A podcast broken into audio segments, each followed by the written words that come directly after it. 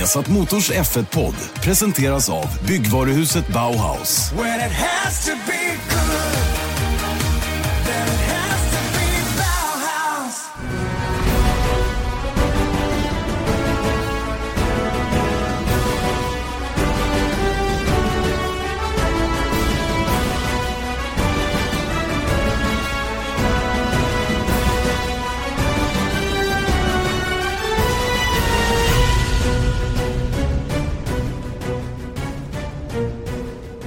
Slut på semester och ni hälsas eh, hjärtligt välkomna till Viasat Motors Formel 1-podd. Janne Blomqvist, Erik Stenborg är på hugget, minst sagt, när vi nu går in i en Race Week, som det heter på engelska, racevecka igen, där vi börjar ladda upp inför Belgiens Grand Prix, Spa-Francorchamps, en av förarnas höjdpunkter under säsong i alla fall. Eh, Erik, eh, semestern var bra? Den har varit jättebra. Ja. ja, men ja, lite grann i alla fall. Man är frilans vet du. Vet du det Jag vet exakt hur det är. Då får man gnugga på oavsett om det är arbetsvecka eller inte. Du, I alla fall sådär. Du är ju ledig hela, hela året. Förutom Typ. på helgerna ju. Typ. Eller hur? Ja. Ja, ja. Men eh, stora nyheter idag. Ja, Kimi Räikkönen får köra ett år till. Jag säger får köra ett år till tillsammans med Ferrari. För det är ju naturligtvis Ferrari som har förlängt med Kimi Räikkönen en säsong till. Och eh, för mig ett ganska väntat besked måste jag säga. Sett till hur silly season har liksom rullat på. Eh, Det har inte hänt någonting annat. Jag läste för några vecka sedan att eh, Sergio Perez var i slutfasen av sina förhandlingar med Force India. Det är helt enkelt så att alla verkar avvakta ett år till. Mm. För nu har ju liksom det vi trodde skulle hända till, till 18 flyttats fram till 19. Mm. Då några till stora kontrakt löper ut. Eh, vi, har ju, eh, vi har ju Sebastian Vettel fortfarande som inte har skrivit på ännu för Ferrari. Men jag tror att han bara väntat på det här beskedet. För jag tror att han är extremt nöjd med att ha Kimi Räikkönen som, som teamkamrat en säsong till. De verkar ju vara de verkar fungera bra tillsammans onekligen. Mm. Ja men det är väl så lite när han eh, eh, Jag tycker det på något sätt så känns det som att Kimmy är, jag vet att vi var lite oense i eh, om det som hände i Ungern huruvida Kimmy hade kunnat attackera eller inte men det känns ju ändå som att han var inte helt upprörd över att inte få chansen att eh, göra det som Mercedes gjorde till exempel när de bytte plats på Bottas och Hamilton och han, är liksom, han har accepterat sitt öde eller vad man ska säga lite Ja. och samtidigt klivit upp en, en bra bit tycker jag för han har ju levererat ändå. Ja, det har han väl gjort. Eh, inte på samma nivå som Sebastian Vettel, men han är ju där. Och han är precis den förare som jag tror Ferrari vill ha bakom den de satsar på så att säga. Va? Som de alltid har gjort. Som det har sett ut historiskt i det där teamet så har det varit precis på det sättet. Och i det pusslet så passar ju biten med Kimi Räikkönen in perfekt. Så som han agerar och kör just nu.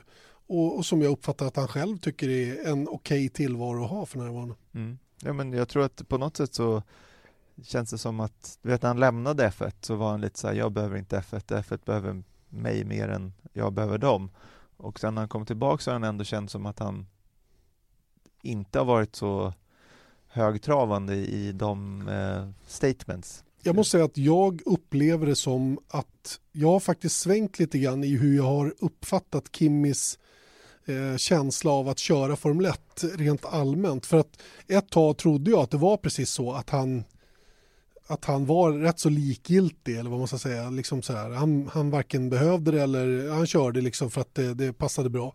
Men jag tror att jag tror att det faktiskt är så att han är mer eh, han är mer eh, vad, vad, hur ska jag uttrycka det? Han är mer eh, dedikerad till Formel 1 än vad jag har trott tidigare. Mm. För han, jag tror att han vill oerhört mycket vara just i Formel 1 numera. Mm. Jag tror att den här pausen när han körde rallybil ett tag, Ja, när han blev utköpt så, så, så, så skapade det något sug igen på något sätt som han sen har omvandlat i en tillvaro som kanske inte är att han kör för VM-titeln men han gör det han tycker är kul och han, han sitter i ett av de absolut bästa teamen. Han tjänar bra pengar och varför inte då köra vidare? Mm, nej men exakt. Och jag, jag skulle resonera likadant och jag tror att den här sessionen, det var två år han var borta. Jag tror det. Och eh, han var ju sponsrad av Red Bull då och allt. Till att så, börja med. Ja, exakt. Och sen så blev det den där Ice One. Eh, Han gjorde sin egen grej. Han betalade ja. själv. Ja, och, och slapp ju sponsortaganden och exakt. allt vad det nu var. Och det tror jag gick ganska mycket pengar. Mm. Inte så att han var pank på något sätt, men han insåg nog att det är bättre att göra det här. Det finns baksidor med Formel 1, men han tjänar ju bra. Exakt. Och det är någonting som man tycker är kul att göra ja. igen, mm. vilket är bra. Så att, eh, och det här är ju eh, någonting som naturligtvis kommer att prägla resten av silly season. Det stänger ju dörren rätt mycket för många. Mm. Och eh, det pratades ju en del om, om att Perez skulle kunna vara en tänkbar ersättare då till Kimi Räikkönen. Det stänger ju nu naturligtvis. Mm. Det innebär att Perez förmodligen kommer att sätta pennan på pappret ihop med Force India en Mm. säsong till. Mm. Och så kommer Perez att vänta ett år till för att se vad som händer då till 2019 såklart. Mm. Det stora frågetecknet är ju nu den andra platsen i, i um, eh, Force India, nämligen Esteban Ocon. Står han högt upp på önskelistan för Renault eller inte? Jag tror att han gör det. Det är väl det som möjligen skulle kunna skapa lite rotation Mm. i övrigt. För om vi ser helt krast på det så tror jag att Bottas kommer att förlänga med Mercedes, vilket betyder att de sitter i orubbat bo. Eh, Ferrari kommer att eh, förlänga med Vettel, då sitter de i orubbat bo. Och Red Bull har redan kontrakt med båda sina förare, sitter i orubbat bo. Det innebär att de, tre, eller de tre, eller sex mest återvärda platserna på griden är upptagna. Mm. Och det var ju Kimi som skulle skapa allt det här. Precis. Det var ju han som var nyckeln. Det var han som var liksom den som skulle rotera igång saker och ting. Va? Och, eh, och tittar vi utanför då eh, så har vi Force India som är fjärde team just nu då. Mm. Eh, där är en plats ledig. Renault Eventuellt. Ja. eventuellt. Eh, och sen har vi Renault där det också eventuellt är en plats ledig. Då. Där skulle man ju nästan säga att det är en Ja. plats ledig. Det, det kan man väl göra om man... Om, Om man inte Palmer får raketer i eh, skorna eller någonting. Exakt, så, så är det ju den platsen som det fortfarande kan krigas lite grann om då. Och då är frågan, är det Ocon, är det Kubica eller är det Carlos Sainz? Mm. De tre ser jag som inte nödvändigtvis i den ordningen. Jo, Ocon i topp, Sainz sen och trea Robert Kubica. Håller helt med dig där. Att ta den platsen då bakom eller efter Julian Palmer. Men sen händer inte så mycket. Ja, massa. Ja, men jag tror, tror verkligen att han kommer att flytta på sig. Han är sugen att köra vidare och Mm. vad har Williams för alternativ som skulle vara se. bättre? Sainz? Nej, det tror jag inte. Jag tror inte Sainz går åt sidan om han flyttar på sig. Och det är Nej, ju så att. Red Bull kommer ju att ta bra betalt för hans kontrakt om han ska flytta på sig innan säsongen är slut. Har han kontrakt? Ja, jag, jag inte för nästa år. Nej. Det tror jag inte. Men eh, oavsett vad så, så tror jag ändå inte att, att, eh, att Carlos Sainz, för Sainz, då skulle han kliva av Red Bull-tåget. Och eh, skulle, skulle du göra det idag med tanke på vad som kan hända till 2019? Om en plats i moderteamet finns eventuellt tillgänglig då? Det beror på vad man får för klausuler och allt vad det är. Jag tänker liksom, de har ändå ganska mycket, de har pengar genom Lance Stroll, mycket. Paddy Lowe är där. Jag menar, det är mycket som talar för Williams och se på vad de var eh, i fjol till exempel. Mm, Då var och de framförallt åren dessförinnan, 14 Åren och dessförinnan. 15. Ja, då tog de ju pallplatser. Mm. Man såg vad eh, Williams kan göra med en förares karriär om man tittar på Bottas. Mm. Om man börjar utmana, eh, om, om man visar framfötterna i Williams. Mm. Problemet med Red Bull, så- eh, ja, Toro Rosso, är ju att det är ett steg upp. Moderteamet, Red Bull Racing eller inget. Ja. Och det är väl kanske det man vill frigöra sig från. Möjligen då man vill komma ur klorna på Red Bull så att säga. Speciellt om man har i Carlos Sainz skor där han blev förbesedd till förmån för, för eh, Verstappen. Sen då har ju Verstappen börjat snacka om att eh, de måste leverera en bra bil för om de ska kunna ha, ha mig kvar. Mm. Det, det kanske man ser som en möjlighet då för i Carlos Sainz läger men Jo, Det är även Ricardos kontrakt går ut efter 18 Exakt. och var, han är ju, tror jag, högt ansedd och han är en kille som skulle kunna ta ett kliv upp då till antingen Ferrari eller Mercedes. Kanske främst Ferrari. Ja, och det är kanske där man ser då att är verkligen Carlos Sainz högst på önskelistan för de här tre teamen? Det är Mm. klart att ersätta Ricciardo i, i stora Red Bull, det skulle man nog gärna göra, men Istället för Räikkönen i Ferrari. Som Ja, också men, har varit men på är tal. Sainz eh, på väg dit Mm. snarare än Perez. Ja. Eller Ricciardo. Jag, jag tror att i och med att Kimi nu förlängde, eller att det blev förlängt för Kimi ett år till, så tror jag Peres chanser att komma någon annan vart än där han är idag, de minskade drastiskt. Oh ja. Drastiskt, även för 19. Mm. För jag tror att eh, till 19 kommer det vara, då kommer det vara en, en, en annan rotation även på toppteamens platser så att säga. Det måste nästan bli så, för jag tror att, eh, ja, man får ju se vad Kimi levererar också, men Mm. han, är, han är äldst på griden. Ja, Så att jag menar, eh, han är inte lastgammal direkt, men det börjar ju, det är inte många år kvar. det, vi läste en artikel i Autosport, det var lite kul att den kom Ja, dagen innan det här beskedet att han nu får förlängt. För det var ju en förtäckt sågning tycker jag. Det var en så. Eh, så, som handlade om att man tycker att han, han har haft sina chanser nu och eh, borde det är lite waste of talent på något sätt va? men samtidigt att han eh, borde fundera på att göra någonting annat. Det var en ganska rolig diskussion på Twitter efter den eh, artikeln kom ut, för Ah, då okej. såg man massa andra journalister, bland annat Will Buxton som jobbar för NBC, att han bara eh, oj, oj, oj. Eh, jag minns mycket väl mina dödshot jag eh, fick efter jag publicerade en liknande artikel 2014. Eh, så att eh, de började häckla den här journalisten då och säga så här, lever du fortfarande, lever du fortfarande? För att han har starkt stöd fortfarande. Ja, ja, det är inte det saknar han definitivt inte. Han saknar inte heller förmågan att köra racerbil. Det är väl andra saker kanske som har trubbats av lite grann när det gäller Kimi Räikkönen. då. Men eh, ja, nej, jag tror som sagt att eh, det, det kommer att lugna ner sig nu på silly season-fronten. Eh, Får jag göra en kvalificerad gissning så tror jag, ja, det, det, svåra är Renault. Mm. Vad har de för alternativ? Vad har de för, för, liksom, vad har de för pengar att använda? Och vad vill de ha in bredvid Nico Hülkenberg? Mm. Det är jätte, jättesvårt att svara på. Eh, jag tror fortfarande att det är som sagt Ocon, Sainz och jag tror att det är Kubica. Det är de tre man sitter och väljer mellan för Mm. närvarande. Då. Sen eh, vet jag att Oliver Rowland då, som är tvåa i F2 just nu går och är sugen på den där platsen också. Då. Att de skulle ta in en ungdom eller en egen junior och som support till Nico Hülkenberg då, som bevisligen är väldigt, väldigt stark och, och kör jätte, jättebra. Men eh, ja, det, det är svårt det där för att eh, Renault, och det har EJ påpekat massor med gånger för mig, de är i, i stort, stort behov av att, att få publicitet som Mm. gör att de säljer bilar. För det var nämligen kravet ifrån högsta ledningen hos Renault att göra den här satsningen på Formel 1 som ett fabriksteam. Det var att det faktiskt genererar i fler sålda bilar. Och eh, hittills så har ju resultaten på banan inte motsvarat de förväntningar som jag tror satsningen hade. Nej. Eh, Även om man måste ge det lite tid och är man lite insatt i Formel 1 så vet man att det tar tid. Men frågan är hur mycket tålamod de har där i högsta ledningen och hur de vill att det ska se ut eh, redan nästa säsong då där man får anta att de ändå tar ytterligare ett kliv framåt när det gäller ren fart då. Absolut. Nej, men det är ju, det är gissningslek Ja, eh, ja. på hög nivå, men jag, jag tror att eh, bara för att avsluta Sainz så tror jag att han gärna flyttar på sig, Mm. oavsett om det är till Renault eller till Williams.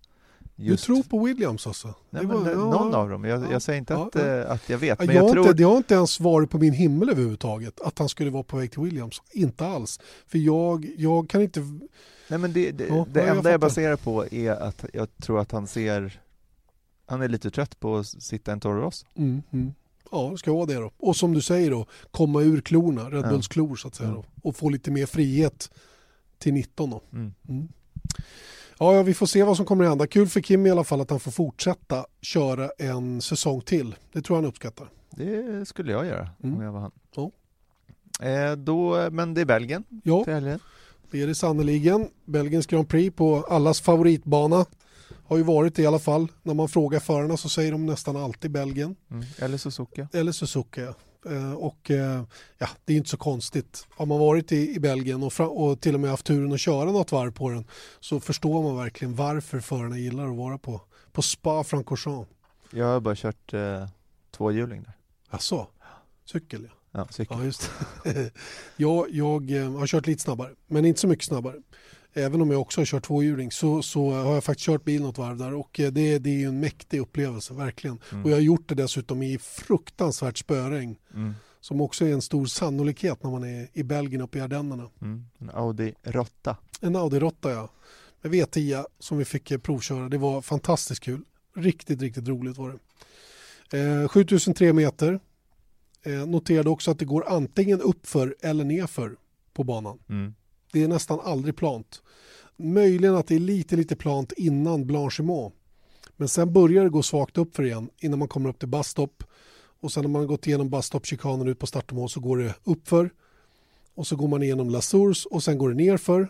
Mm. Och sen går det uppför och sen går det uppför hela vägen bort till Rivage. Alltså Mm. hela Kemmelrakan genom Lecom och sen går man över ett litet, litet krön. Från den punkten som är den högsta punkten på banan så är det nerför egentligen hela vägen ner till just den, den passagen efter Stavelot och ner mot Blanchemont. Där planar det ut lite grann och sen börjar det gå upp för igen. Ja.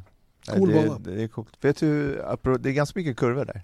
Ja, Men vet du hur mycket av varvet som tas på full gas? 62 procent. This is Paige, the co-host of Giggly Squad, and I want to tell you about a company that I've been loving, Olive and June. Olive and June gives you everything that you need for a salon quality manicure in one box. And if you break it down, it really comes out to $2 a manicure, which is absolutely insane. It's also so easy to get salon worthy nails at home with Olive and June. The difference between how your nails used to look when you did them yourself and now with the Manny system is a complete game changer. The best thing about Olive and June too is it's a quick dry. Dries in about one minute, lasts for five days, and full coverage in up to one to two coats. Visit oliveandjune.com slash perfectmanny20 for 20% off your first system. That's oliveandjune.com slash perfectmanny20 for 20% off your first system. Say hello to a new era of mental health care. Cerebral is here to help you achieve your mental wellness goals with professional therapy and medication management support. 100% online. You'll experience the all new Cerebral Way, an innovative approach to mental wellness designed around you.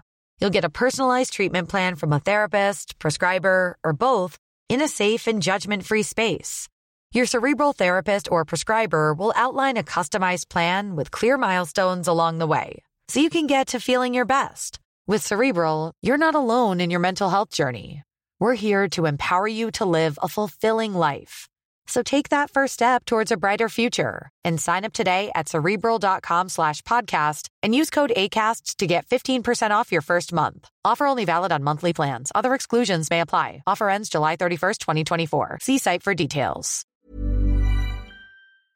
67 Oj, procent, så det var Ja, ganska det- bra. Men det är ju, den gissningen är inte så bra egentligen för att de allra flesta banorna ligger på runt 60 procent. ja, men ändå 67 Mm. eh, Det procent mycket. där. Det är ganska, och sen så kanske det är lite ännu mer i år.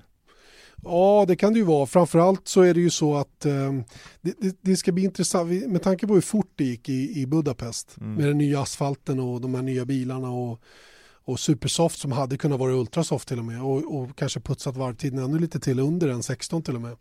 Så, så eh, är lite fundersam på om man kommer att putsa varvrekordet eller banrekordet snarare i Belgien. Eh, för att eh, det är så pass mycket långa raker ändå. Mm. Och det Och- går långsammare på rakerna för att det är mer downforce.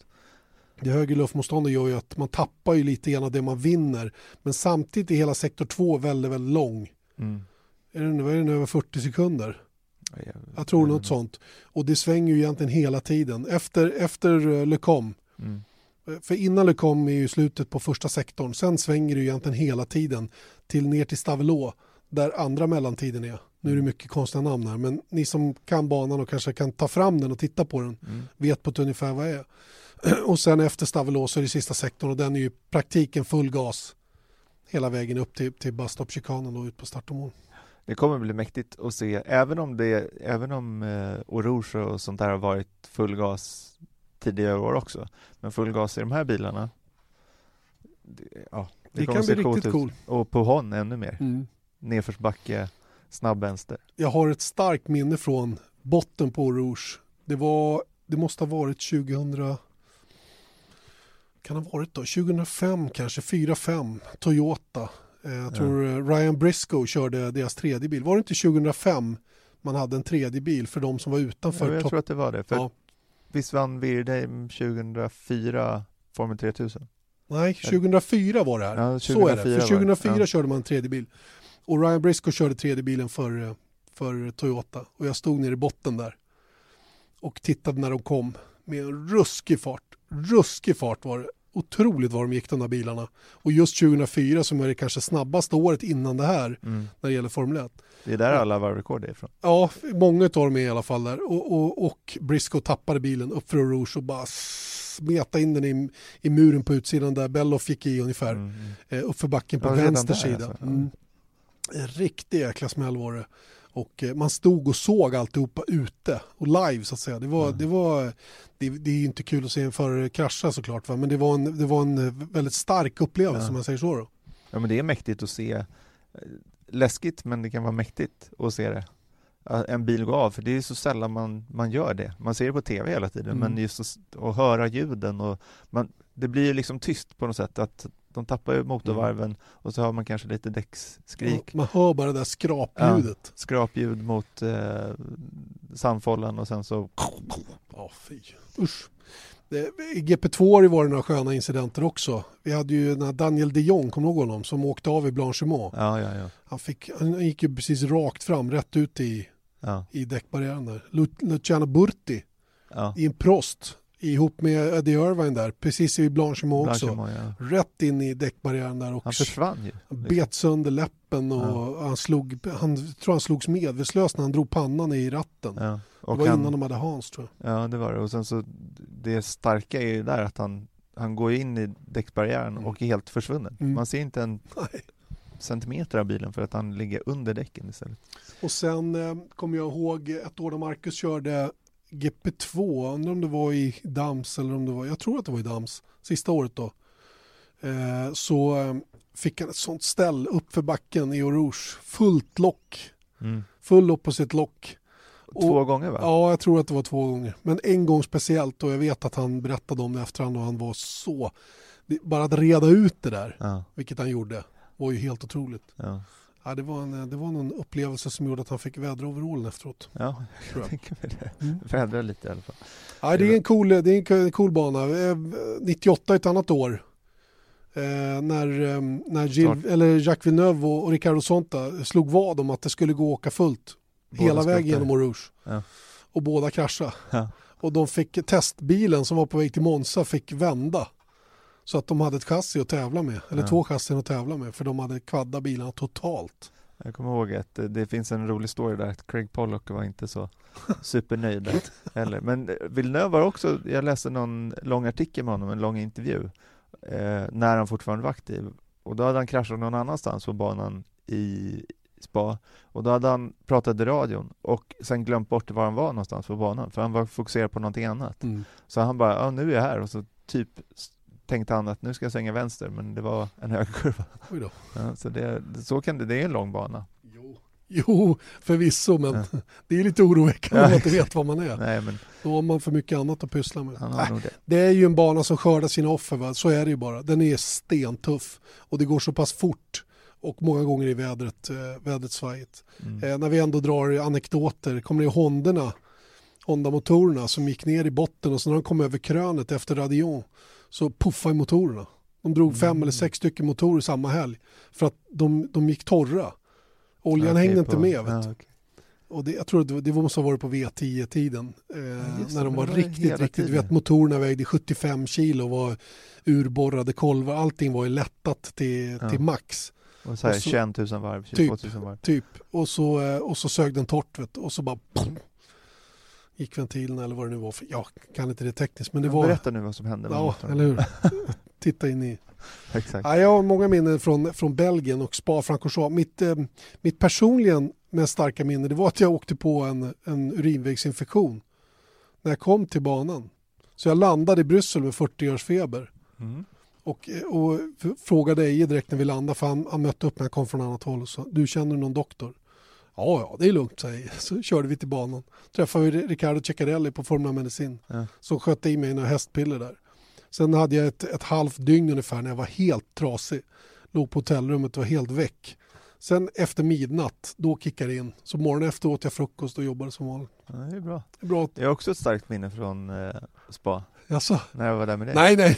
Det, Usch. Som gjorde att jag eh, missade fredagsträningen. Exakt. Mm. Och jag missade 5 000 spänn. Exakt. Usch, det var inte roligt. Ja, jag måste berätta det här. Ja, det gör det. Ja, det Det var är nämligen så att på väg till, eh, till och från eh, hotellet där vi bor, det är, liksom, det är inte direkt någon stadskärna som man bor för det är ganska dyrt. Så då bor vi på ett jättefint litet hotell en bra bit bort. I Robertville. Ja, så då åker man på, och en liten vägparti där så är det som chikaner, Mm. som Fartgupp. fart, fartgupp liksom, eller det är inte gupp men det är, man ska sakta ner där. Man ska helt enkelt köra slalom där i lång, låg fart. Exakt.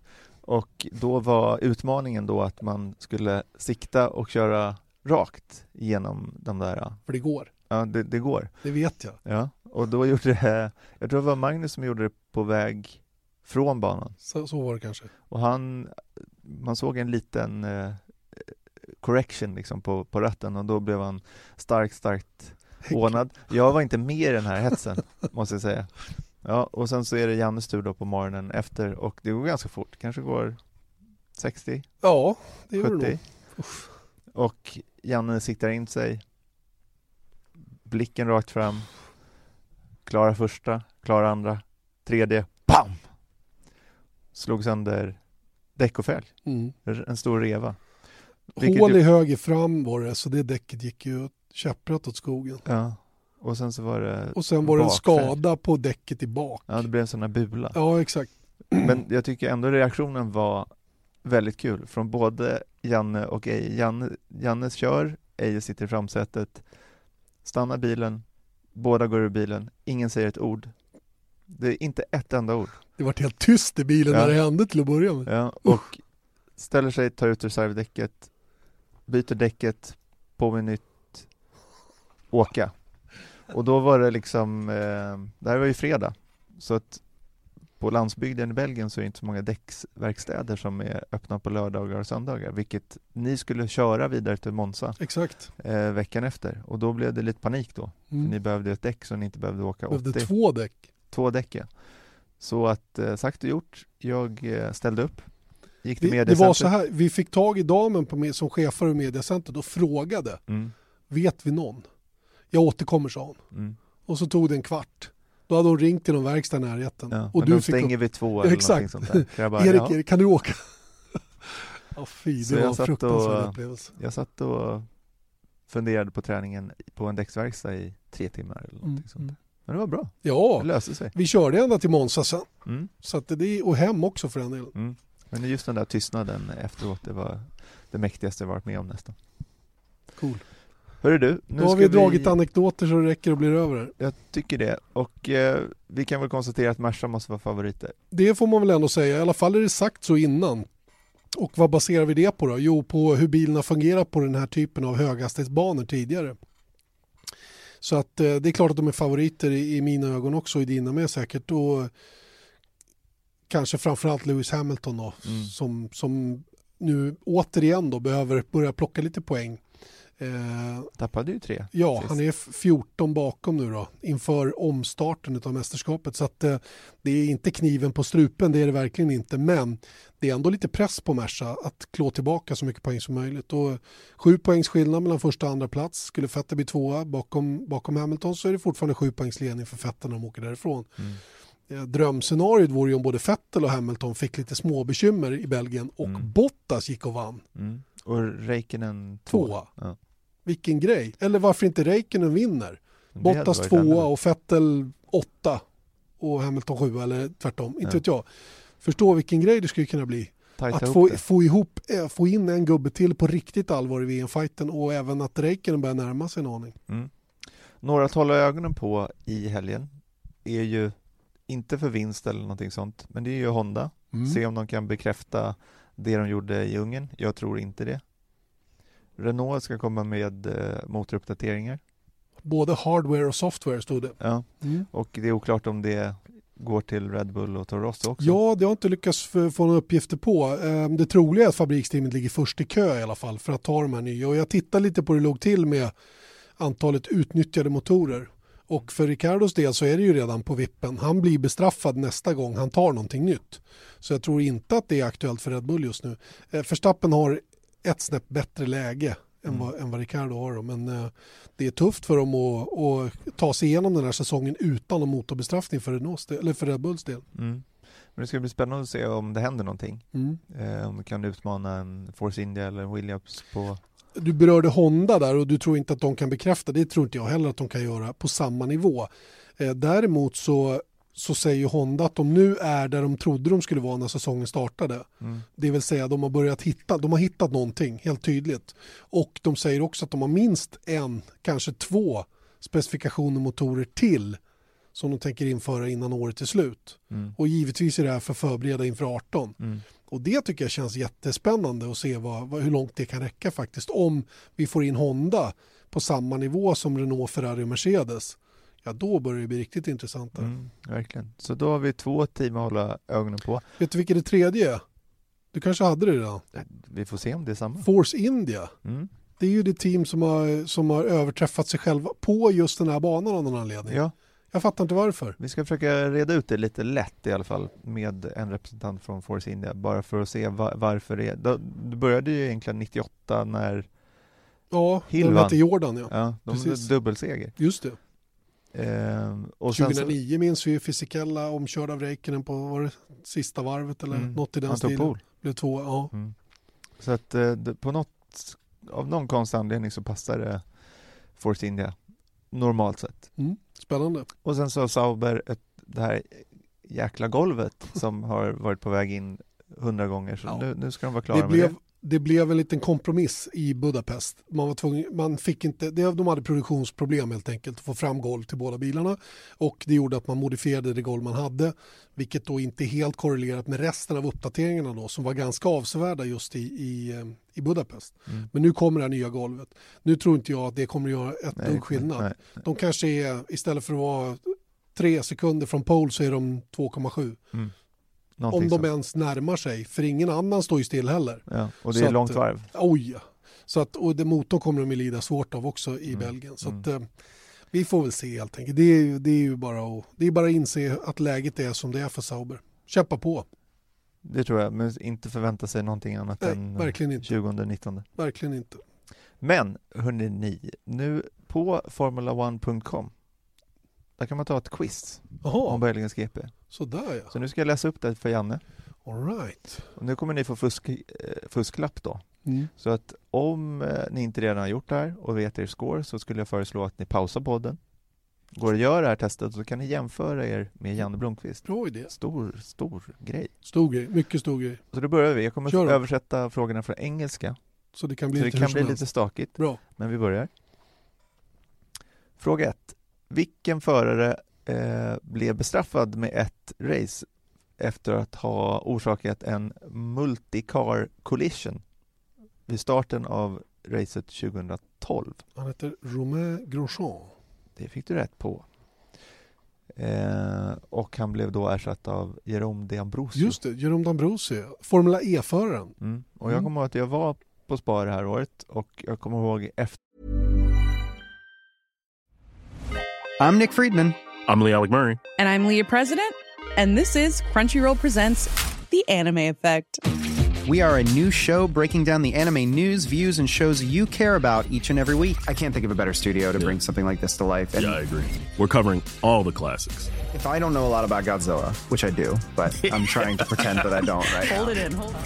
And our current faves. Luffy must have his due. Tune in every week for the latest anime updates and possibly a few debates. Oof. I remember, what was that?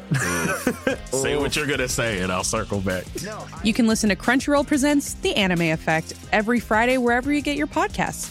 And watch full video episodes on Crunchyroll or the Crunchyroll YouTube channel.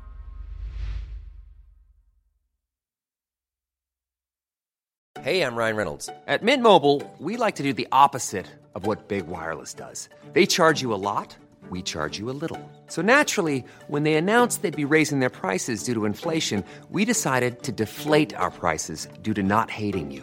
That's right. We're cutting the price of Mint Unlimited from $30 a month to just $15 a month. Give it a try at mintmobile.com slash switch. $45 upfront for three months plus taxes and fees. Promo rate for new customers for limited time. Unlimited more than 40 gigabytes per month. Slows. Full terms at mintmobile.com. efteråt att vi förstod väldigt snabbt att det var D'Ambrosio som skulle köra för att han gick nämligen runt frenetiskt och pratade i telefon och gick med uppspärrade ögon. Så man det. såg att han var rikligt Det nervös. var samma år som bilfälgen och cykelturen. 2012. Så var det, just det. Klassiskt år. Nästa fråga. I de tio senaste åren, vilket är det enda andra team förutom Red Bull, Mercedes, Ferrari och McLaren som har tagit pole position i Belgien? Tio år, från 2007 framåt. Sauber, Jag är inte klok. Du sa det ju själv. Force India. Force India. Jag är dum i huvudet. Ja, det är jag. Men det visste alla redan. Var fick jag Sauber ifrån? Han startade tvåa då med Kobayashi va? Det vet jag inte, Mm. men av, av, av alla som har röstat här så är, är Sauber bara på 4 procent. Du... Jag är tillhör dem. Ja, Ja, men inte jag bra. kommer ihåg Kobayashi startade långt fram, men han startade tvåa, det stämmer. Och bromsarna stod och rykte kommer jag ihåg, för han hade värmt dem för hårt på uppvärmningsvarvet. mm. Och sen så vart det en smäll också i, i La Source. Undrar om inte det också, det, det var väl 12 Det kanske var det. Ja, jag tror det. Ja, jag kommer ihåg att det är någon Smällen kommer vi ihåg. Ja. Eh, förutom Spa Francorchamps, hur många andra banor har anordnat Belgiens Grand Prix? En. Och det är Zolder. Oj, oj, oj, oj. Nivell tog emot två race, 72 och 74 Du ser. och sålde 10. Ja. Ja, Zolder var jag säker på. Nivell det visste jag inte. Mm, det här går inte bra. Bara Ett rätt på tre, det var dåligt. Eh, en post-race penalty gjorde att eh, Lewis Hamilton eh, gick från första plats till tredje plats på eh, 2008 års belgiska Grand Prix. Vem eh, ersatte honom högst upp på pallen? Var det Alonso, Massa, Räikkönen eller Kovalainen? Ja, det var inte Kovalainen. Det var Räikkönen han hade bataljen med. Jag tror att det var Massa.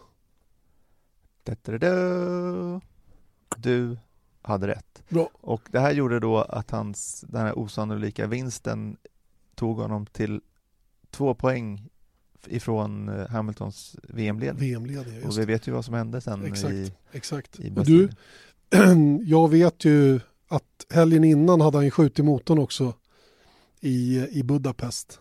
Och utan det haveriet, vet du, då, och han ledde då, Mm, tror jag, eller låg väldigt bra till. Utan det haveriet så hade han sannolikt vunnit VM mm, 2008. mm. Ja, det, jag, jag kommer ihåg det där, för jag satt i bilkö efteråt och, och vi följde ju naturligtvis på så, ja, så gott det gick då. Eh, För det där var ju en väldigt, väldigt snackis. Det Mm. var ju, du vet, de, de genade genom chikanen. Mm, Det var lite fight där. mm, Och så lyckades ju Hamilton då komma först över linjen. Mm. och så vart han bestraffad efterhand. mm. Mikael Schumacher håller rekordet för ha vunnit från lägsta gridslott, startposition helt enkelt, eh, på 1995. spa. Eh, Men var startade han 1995 års belgiska Grand Prix? P16. Du har rätt.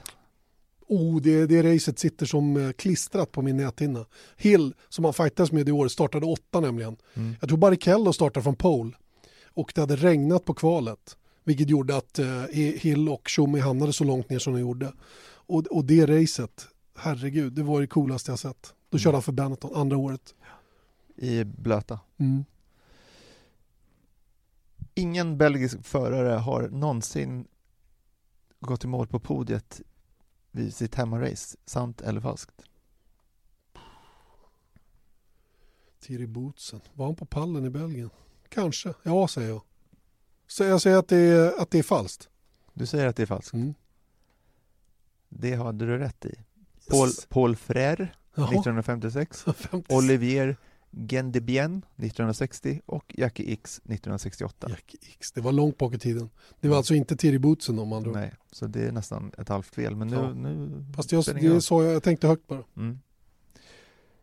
Vems stora krasch i Oroge Radion på sjätte varvet orsakade förra årets röd flagg? Kevin Magnussen, Korrekt. spricka i foten. 300 km i timmen. Nej, sore ankle står här. Sår enkel, okej. Så han var inte ens en spricka utan han var, hade lite ont i... Ja.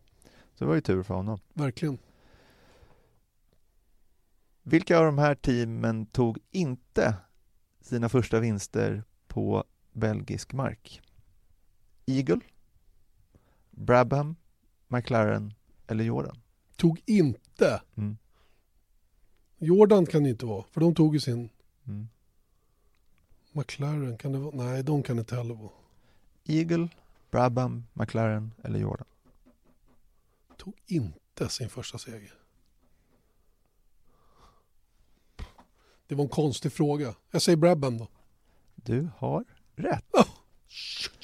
Eagle tog en seger den 1967, McLaren 68 och Jordan 98. Mm. Eh, Brabhams första vinst kom på Frankrikes Grand Prix 1964. Coolt. Kul att du visste det. Eller hur? Mellan 1962 och 1965 eh, så vann Jim Clark fyra eh, belgiska Grand Prix i rad. Vem är den enda andra föraren som har vunnit fyra eh, race i rad på Spa-Francorchamps? Är det Prost, Schumacher, Senna eller Räikkönen? Kimi Räikkönen. Wrong. Det var Schumi. Senna. Senna? Senna vann, vann på Spa fem gånger i rad. Nej, fem gånger eh, totalt. Eh, Bara fyra i rad. Bara fyra i rad Mm. mellan 98, 88 och 91. Ja, det ser man. Dåligt av mig. Ja, faktiskt. Mikael Schumacher är den enda föraren som har säkrat eh, förartiteln på belgisk mark. Sant eller falskt? Falskt. Fel. Eh, tysken eh, säkrade sin sjunde VM-titel på Spa 2004 efter att ha kommit tvåa efter Kimi Räikkönen. Åh, jag trodde det var tidigt. Jag tyckte det var tidigt att här. Men det är klart, han har ju vunnit titeln i, Buda, eller i, eh, i Ungern, ja Budapest. Och på Magny också för övrigt. Mm. Din score, 6 av 10. Det är okej ändå. Vet du vad jag tog? Nej. 8. Ja, du ser. Så att, ehm, Men det är när man sitter och googlar samtidigt så. ja, det, det, så är det ju. Då, och då inte har alla rätt. Nej, exakt. Det är katastrof. Ja, vad kul. Hoppas ni klodde mig. Det Mm. tror jag säkert de flesta gjorde. Ja, men du, det är lite nya tider i Formel 1 kanske? Det verkar ju så. Vi, eh, eller ny, det, ny, ja, nya tider är det väl. Eh, Ett nytt E-seriemästerskap Mm. har eh, annonserats. E-sport. E-sportserie. Mm. Formula 1 E-sport Series. Eh, som ska starta nu i höst. Eh, och eh, det kommer eh, att eh, avgöras i det nya spelet. Codemaster-spelet som, eh, som lanseras nu på fredag. Den 25 augusti. Om jag har förstått det hela rätt så ska det vara någon form av kvalrunda hemma. Mm. Där man sätter sina egna varv. Och sen kommer man att ta ut de 40 bästa. Som kör semifinal vid ett stort livesänt event i London. I oktober va? Just det. Och eh, därifrån så ska de 20 bästa gå vidare till ett finalrace i Abu Dhabi. Mm. Och eh, antagligen något stort fint pris i botten. De flygs dit, alla som ska delta och sen så blir det en stort event där. Ja, men det är coolt ju. Det är coolt och det, det roliga är att för jag tror att det är kanske nästan två år sedan som jag skrev om det här i bloggen. Jag hade pratat med en, en, en gubbe under Italiens Grand Prix och han, han ja, det kanske var under testerna i Barcelona till och med där vi pratade om hur viktigt det vore för Formel 1 att involvera gamingvärlden. Mm. För det är en sån otroligt stor potentiell fanskara som håller på med tv-spel och e-sport och sådana grejer som skulle kunna sugas in i Formel 1 Mm. genom att man skapade den här typen av aktiviteter. Och min idé var ju att man skulle ha ett stort tält som spelsponsorn eller ja, hur man nu valde att- döpa det då, hade med 20 simulatorer. Mm. Och sen hade man ifrån varje land där GP körs haft en kvaltävling. Mm. Och så fick de 20 bästa sen köra någon form av final. Mm. Och vinnaren fick träffa ja, eller en paddock club-pass eller vad, vad som helst. Ja, eller en sån här two-seater ride eller någonting Varför inte? Varför inte? Ja, men det, det, är, det, det är ju verkligen så Mm. att gamingvärlden är jättestor och då, jag tror verkligen att det är smart att lansera en sån här. Jag tycker nästan att det är lite sent, men, de har inte haft det eh, riktigt några spel. Jag, är Jag tror, vet du vad jag tror, som jag också skrev om när jag, när jag läste om det här, att, att jag tror att det är Bernie som har varit för dyr Mm. för någon spelutvecklare att samarbeta med. Mm. För alla vet ju att Bernie har ju alltid sett till sig själv och teamens bästa, nämligen att dra in så mycket pengar som möjligt. Sen, sen kan de, den som hoppar på och tycker att man har råd med det, sen får de support. Men innan man är överens om prislappen, och det är där det har tagit stopp många gånger. Mm. Eh, Ja, men det finns så mycket möjligheter nu också. De skulle ju kunna, jag vet att det det har också pratats om för flera år sedan, att man skulle då kunna vara med i racet. Mm. Att du som spelare kan starta Belgiens Grand Prix på söndag klockan två eh, som typ en 21 bil. Du kan kvala in och, och sådär och sen så är deras, eh, liksom de riktiga förarnas data går in i ditt spel Just så att du det. tävlar faktiskt i racet och det, menar, den tekniken finns ju. jo, det gör den ju Ja. onekligen, men det låter dyrt. Det kanske är, men samtidigt, jag menar, Ja, det är ju hur coolt som F1 helst. hanterar all data så de Tänk, skulle tänk, kunna lägga dig, ut. tänk dig att ha en sån simulator stående Mm. som någon tävlade sig till att få köra Mm. och blir bil nummer 21. Vad coolt. Ja. Vilket Som, som, pris. som är med i, Ja, men liksom i- gör alla, i alla grepp. Ja. Ja, det vore fränt. Ja, men jag tror att och så lite leder den. grejen. Ja, men jag tror att det är lite problematiskt för sen så när du kör om då, då, då kommer ju den trilla bakåt om du håller upp och sånt där. Så att jag tror att jag vet inte exakt hur det fungerar rent datamässigt för att du påverkar ju någonting i spelet som du inte gör på banan på Just, riktigt. just. Eh, men jag menar det, det, jag hade gärna gjort det. Ett Förutom kval skulle man kunna vara med i. Förutom att jag jobbar. Detaljer. Ja, exakt. Men det är coolt. Och Visst. sen så ännu mer nymodigheter är att de eh, har hintat om att eh, eh, vi pratade om Safety Car för några veckor sedan.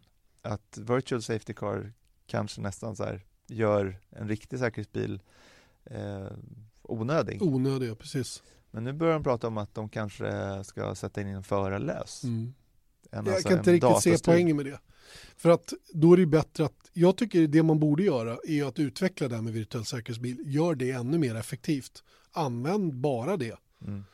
Eh, Beroende på om man inte ser det som att det är, om man kollar på uh, i Nascar till exempel, eller amerikansk racing, då vill de ju ha de här, du vet, ibland kommer ju bara, papperslappar. ja men ibland kommer ju bara en, Mm, eh, en gul flagg. flagg för att nu är det för utspritt, så då, då sätter man ihop det. Så det är ju en chans också Mm. att samla ihop ett fält så att det blir lite spänning. Det hoppas jag inte att eh, F1 tar efter. Men däremot så tycker jag att det är olika, en virtual safety car gör ju att förarna håller sin position på banan, Mm, mm. ingenting annat. Medan en, en riktig säkerhetsbil samlar ihop fältet. Mm. Och det tycker jag är så här, det, det är två olika saker. Sen så kan jag hålla med om att det behövs ju inte, men jag tycker att det är lite coolt att de, om de skulle göra en sån, för då skulle de kunna sätta ut en riktig racebil som kan hålla upp farten lite. Ja, fast det, På- det ska de inte göra. Nej, nej, men På- för, ja. förutom över... eh, Där det är gulflaggan Ja. eller där händelsen har varit. Ja. Jo då, det, är- det är väl, men de gånger man, man tycker att man måste använda säkerhetsbil, då är det ju verkligen för att ta ner tempot Mm. på riktigt. Ehm, ja, jag, jag vet inte. Det är väl coolt ur ett marketingperspektiv.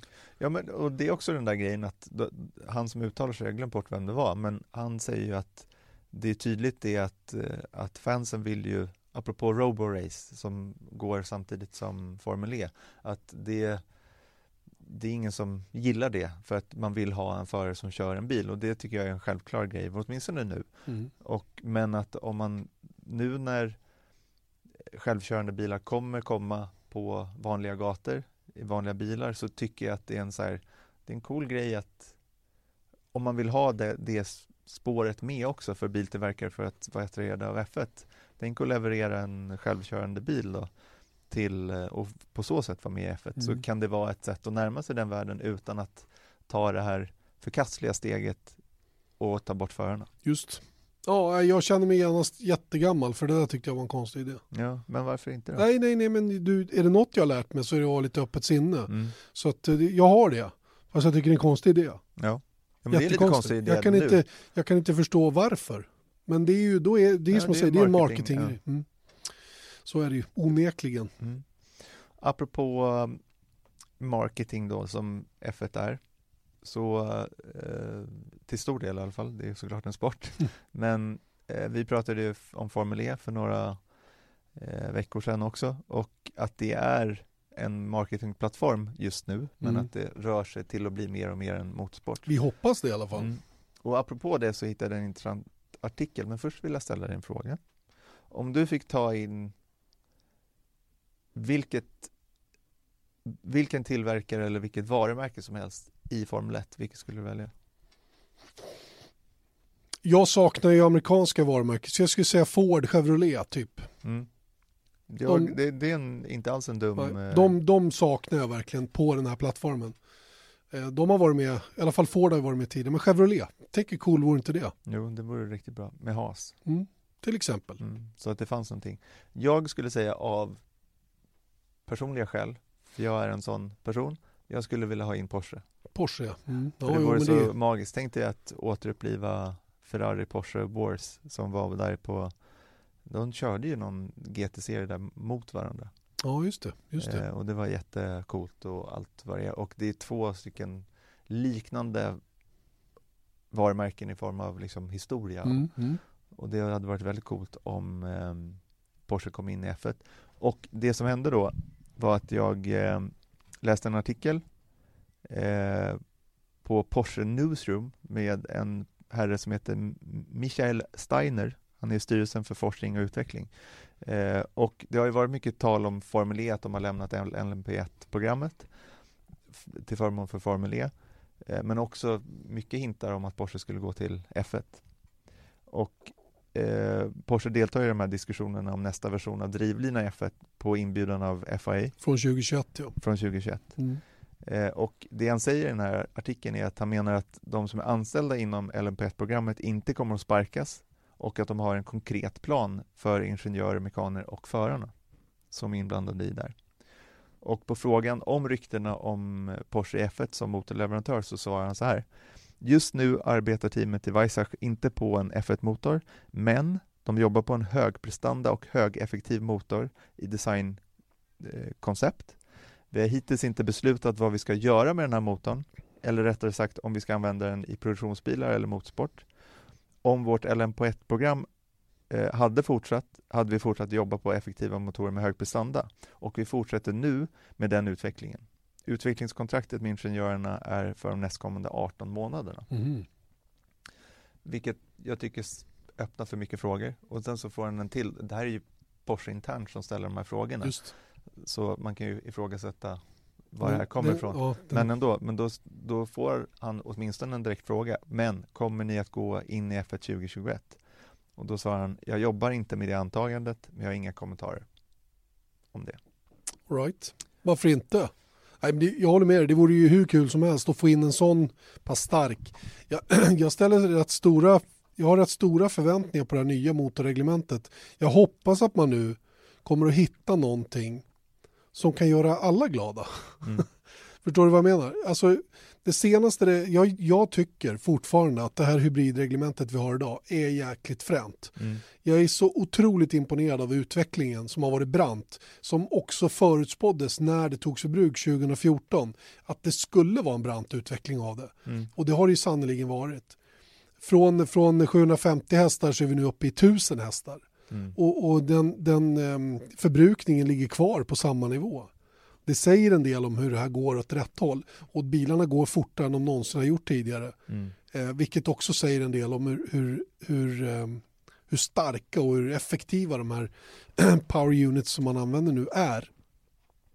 Det som, det som underskattas då det är det gamla vanliga vi har tjatat om då, med, med ljudet och hela den där biten. Och när, vi nu, när de nu får möjlighet att sitta ner i de här mötena och prata om nästa generation motorer så har de ju verkligen alla möjligheter nu Mm. att adressera problemen. Kostnaderna, ljudet, men fortsatt relevans. Mm.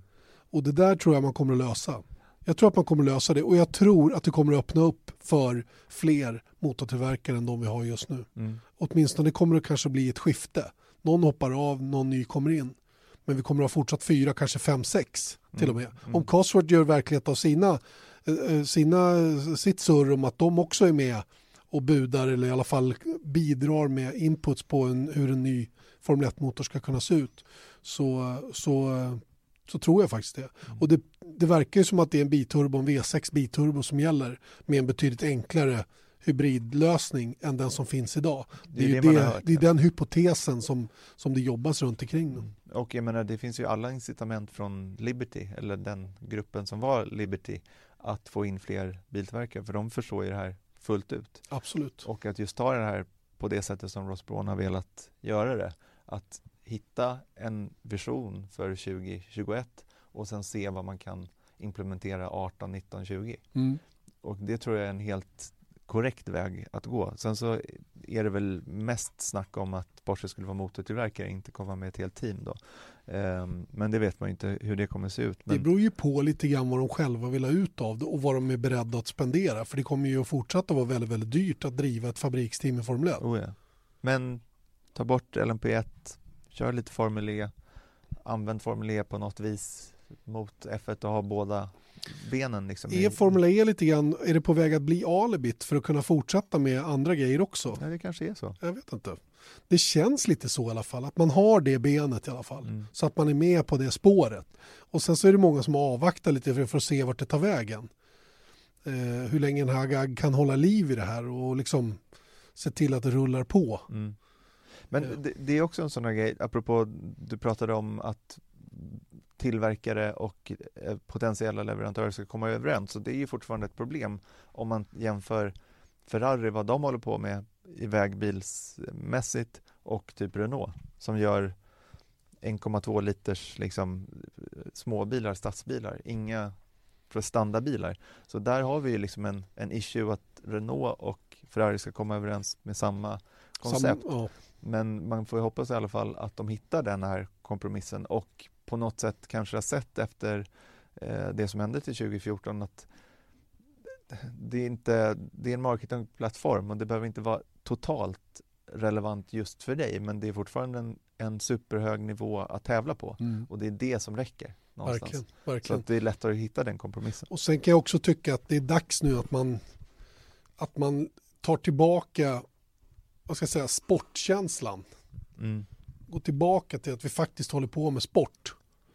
Alltså i motorsport så lyft över Det tycker jag i och för sig att man har gjort redan Mm, till i år. Absolut. för att, att, eh, att, eh, så jag, jag, jag vet inte, jag tycker att, de, att vi är på god väg Mm. att komma dit vi vill. Men det, det är ju klart att jag menar, eh, se till att Honda är kvar, ha de här befintliga kvar, ehm, ta in en eller en- två till. Ja, en eller två Tänk till. sex till, tillverkare till. Ja. Eller två till, alltså sex totalt. Ja, Cosworth, Porsche, ja. Audi, you name it. Chevrolet. Chevrolet.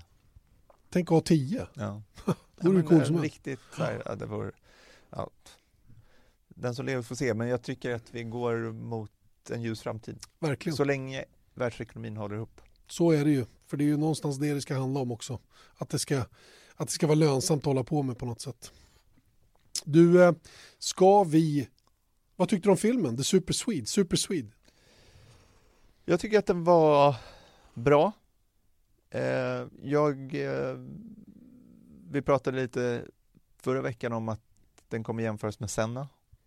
Eh, jag tycker inte att den når upp i Senna-klass, för jag tycker Senna var magisk på så många olika vis. Jag tycker att det var en väldigt mycket, det, det är ju en tydligare eh, story, Senna, för då bygger de in dels personen, myten Senna med eh, fighten med Prost. Just.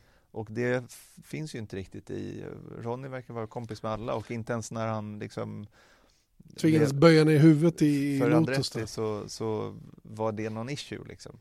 Och, eh, men sen så tycker jag samtidigt att det är så här, det var en vacker film, det var kul att se, det var en hel del klipp som man inte har sett. Mycket har man sett för att vi är ju hardcore-fans så det är inte så konstigt. Men, men eh,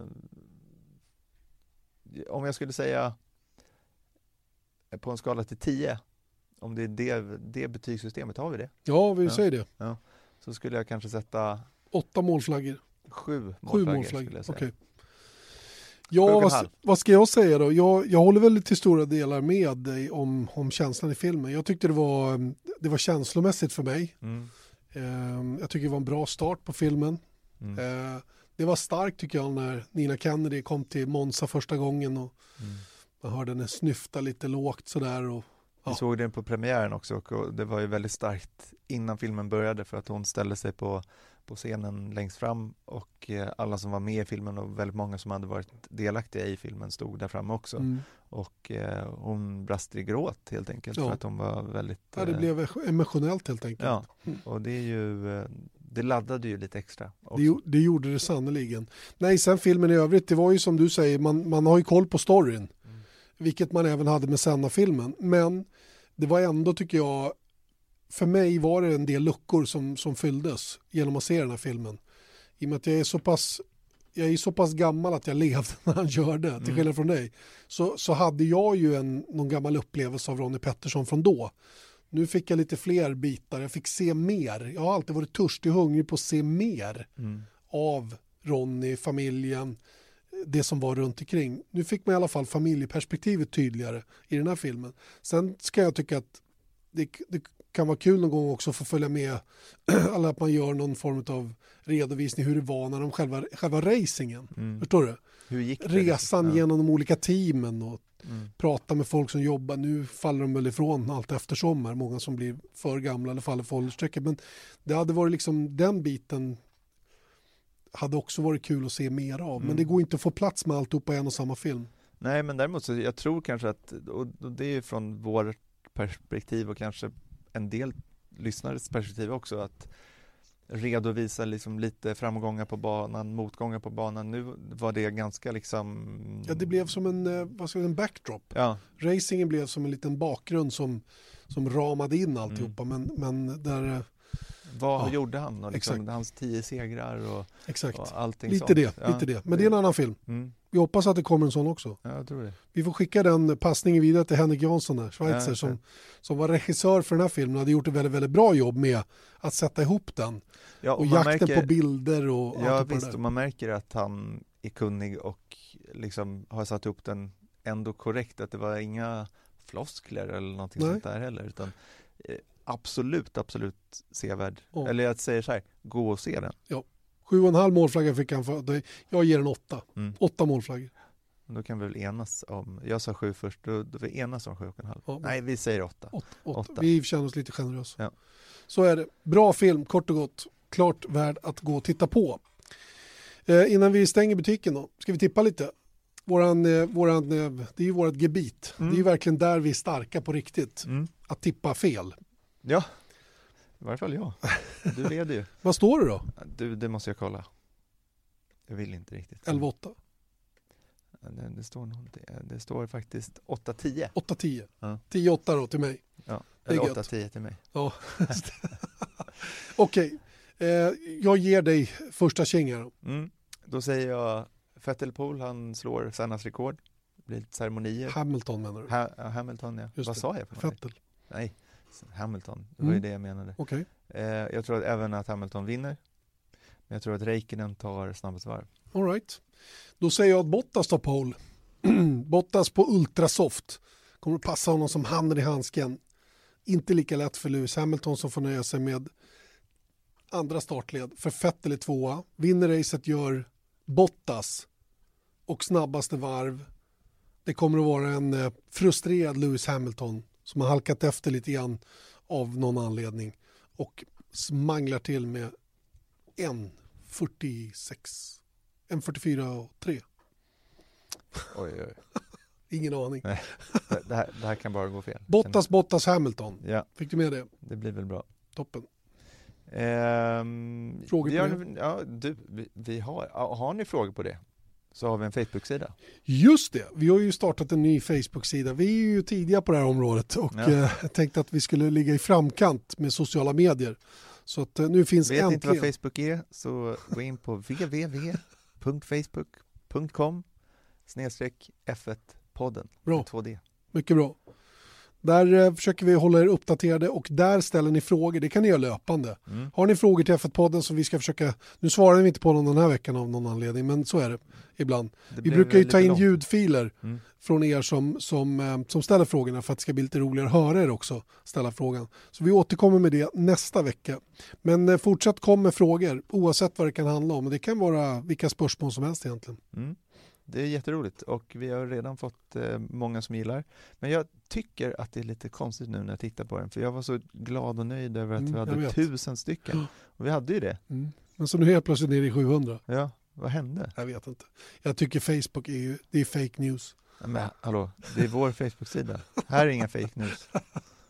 Ja, jag vet faktiskt inte vad som hände. Det är bara true news på F1-sidan. Det, sk- det skedde någon form av filtrering där på något sätt. Måste varit det. Det kanske var alla bottar som jag köpte. Just Nej. det, alla, alla datastyrda likes. Ta upp oss på tusen igen. Absolut, kämpa på med det så hörs vi kommande helg ifrån Belgien där vi börjar precis som vanligt 9.55 på fredag. Kör andra passet 13.55 på fredag och på lördag 13.40 snackar vi upp eh, eh, kvalet med en intervju med bland annat Stoffer van Dorn.